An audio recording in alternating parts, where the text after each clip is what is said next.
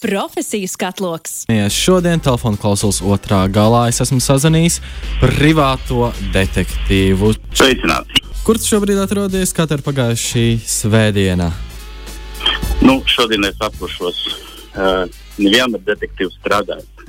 Jo detektīvs uh, nu, gluži nav profesija, tas varbūt vairāk uh, pat arī hobijs, varbūt uh, arī dzīves stils. Jā, jo, nu, tādi detektīvi, kuri ir, kurus bieži vien redz filmās, nu, daži ir tā mākslinieciski veidoti. Jā, bet detektīvs ir parasts cilvēks, kurš sniedz uh, tādus speciālus, uh, ļoti tādus uh, individuālus pakalpojumus. Jā, kā reiz vēlējos prasīt, ko tad īsti dara detektīvs? Viņš kādam pakaļdzenās, uh, izsako, ielaužas mājās. Ko dara privātais detektīvs?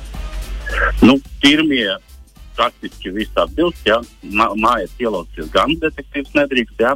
Detektīvs uh, galvenokārt vāc informāciju. Tātad uh, ir attiecīgi um, tādi dzīves brīži cilvēkiem, kad vajag pierādīt kāda negodīga cilvēkam uh, uh, kaut kādu nelabu darbību, jā, jāpiefiksē, uh, ko uh, nevienmēr policija spēj darīt dēļ savas aizņemtības un resursu trūkuma. Tad, attiecīgi, vēršos pie detektīva, lai detektīvs noskaidro kaut kādus noziedzīgus faktus vai uh, līguma pārkāpumus, tā skaitā laulības līguma pārkāpumus vai laulāto attiecību pārkāpumus. Uh, teiksim, virkne varētu būt visādi problēma. Tāpat arī var meklēt uh, uh, personas, pazudušas mantas. Jā, tātad, uh, arī paralēli ar valsts policiju var piedalīties uh, krimināla procesā, brīdinot par to kriminālu procesu virzītāju. Ja? Tātad meklēt noziedzīgu nodarījumu izdarījušas personas un tā tālāk. Un, protams, ka var visu fotografēt, filmēt un visu, visus savus faktus nodot gan klientam, gan policijai. Arī klausītāji man tik, tikko uzdevusi vienu jautājumu. Kā privātie detektīvi iegūst informāciju? Uh, teikšu tā, ka detektīvu daļai var salīdzināt ar vilku. Vilku baro kājas, detektīvu baro uh, gan kājas, gan acis, gan ausis, ko viņš spēj saredzēt ar savām acīm, ausīm. Uh, varbūt izmantojot kaut kādu uh, binokli, jā, tātad uh, pārsvarā veicot uh, objekta slēptu, maskētu vai atklātu novērošanu. Nu, tas ir galvenais detektīva ierocis. Va, vai ir bijušas kādas riska situācijas, kur tu esi iespējams bijis apdraudējumā? Um, principā neteiksim, kā tas varēja notikt, jā, bet uh, visu laiku tev jābūt uzmanīgam, jo it sevišķi, ja tu ej kaut kādas uh, svešas vietas, uh, kad meklē kādu personu vai uh, mantas, jā, tad atradies uh, kaut kur kaut kādas īpaši drošas vietas, un tādas īstenībā Latvijā ļoti daudz ir, tāpat arī Rīgā. Ja? Un tad ir zināma piesardzība. Tad uh, ir kolēģi, ar kuriem visu laiku dibini sakarus. Ja ir nepieciešams, tad tev steidzas palīdzība.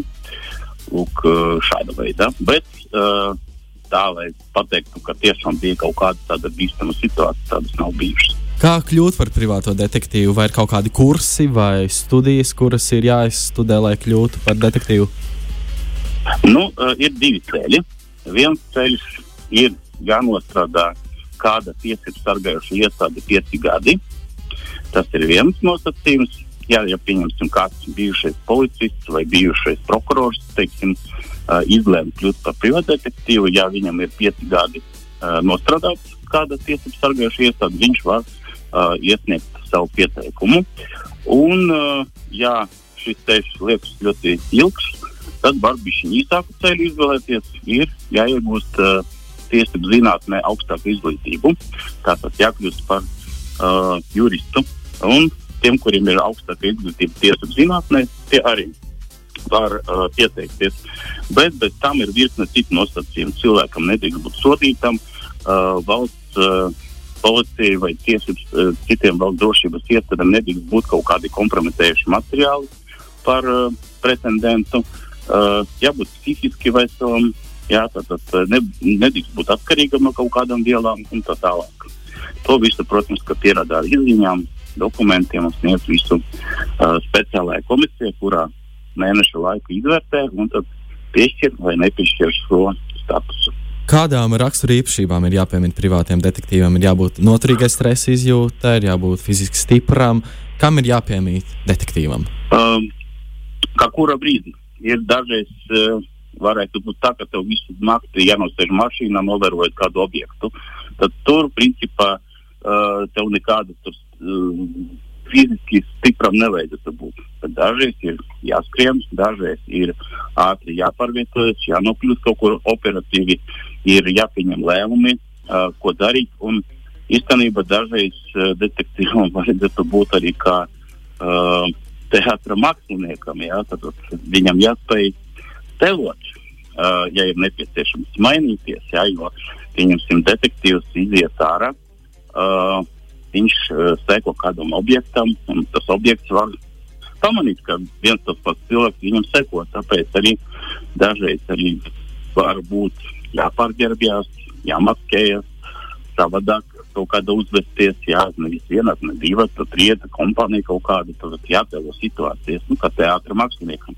Cik lielas ir privātā detektīva tiesības ielausties citu cilvēku privātajos datos un privātajā telpā?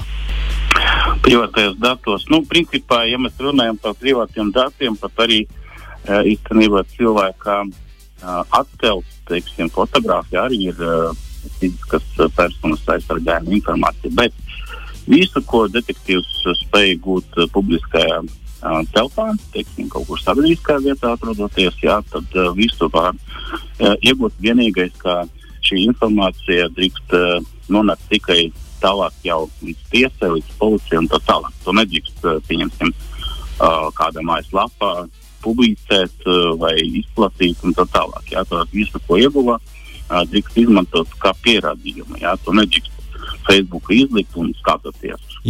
Kā var, kā var atšķirt labu detektīvu no slikta? Uh, nu, es teikšu tā, kā uh, par labu detektīvu labāk uzzināt no kādā uh, sava paziņa, varbūt, jā, jo, nu, uh, teiksim, vai, vai, vai pēc ieteikumiem kaut kādiem. Uh, arī ļoti svarīgi pievērst uzmanību Protams, ka ne visi detektīvi stāstīs, ko viņi ir sasnieguši, ko viņi ir darījuši un tā tālāk. Ja. Uh, manuprāt, arī detektīvam nedrīkst būt uh, tādai publiskai personai. Tad um, nedrīkst, kā viņi visu zina sejā, un viņš, aha, ja viņš iznācis ārā, tad, aha, mēs zinām, ka viņš te kaut ko jau dara. Protams, ka jābūt tādam. Uh, Noslēptam, jā, šo cilvēku nepazīst, jā, kā detektīvu un tā tālāk. Uh, nu, protams, ka uh, jābūt tomēr pieredzēji strādājot tiesību sargājušās iestādes, jā, jo it sevišķi tie, kuri strādāja veica operatīvu darbību, jā, tad, nu, uh, zinā, paņēmiens. Nu, protams, arī tiesību zinātnē mācoties ir dažādi priekšmeti, jā, kur arī māca par taktiku, par uh, uh, tā skaitā psiholoģiju, jā, un cilvēku uzvedību un tā tālāk. Vai Latvijā ir daudz tādu amatu brāļu, vai arī konkurence ir liela? Uh, principā, spriežot pēc saraksta, kuru var apskatīties valsts policijas mājaslapā, uh, bija vairāk nekā simts detektīvi. Aptuveni simts ar kaut ko detektīvi uh, oficiālie ir. Jo detektīvu certifikāts tiek izsniegts uz uh, pieciem gadiem, un reizi piecos gados, uh, ja detektīvs vēlas turpināt strādāt, iesniedz par sevi papildus informāciju, ka viņš joprojām uh, ir vesels, joprojām nav sodīts un tā tālāk. Un joprojām. Tagad uh, uz sitieni. Kāda filma, tavuprāt, vislabāk atspoguļo privātā detektīva darbu? Uh, teikšu tā. Uh, negribētos man teikt, ka filmas ļoti labi atspoguļo manu darbu. Jo filma dažreiz nu, sakropļo īsta detektīvā uh, darbību. Jā, protams, ka mākslinieciski safabricētiskās, ja ir sevišķi tādas lēti seriāli par detektīviem. Jā, tad jaunieši saskatās, o, cik vienkārši, cik forši viņam viss izdodas. Jā, un tad uh, sapņo par to, ka viņš arī to pašu visu darīs. Bet, uh, kad mēs saskaramies ar realitāti, viss uh, pilnīgi savādāk izskatās. Lūk. Bet um, dažas filmas varētu būt uh, tieši ne par detektīviem, varbūt arī par kaut kādiem um, spēcdienestiem, jā, kad veids uh, kaut kādu novērošanu, jā, teiksim, kaut kādas operācijas, jā, tad, nu, tās varētu būt līdzīgas.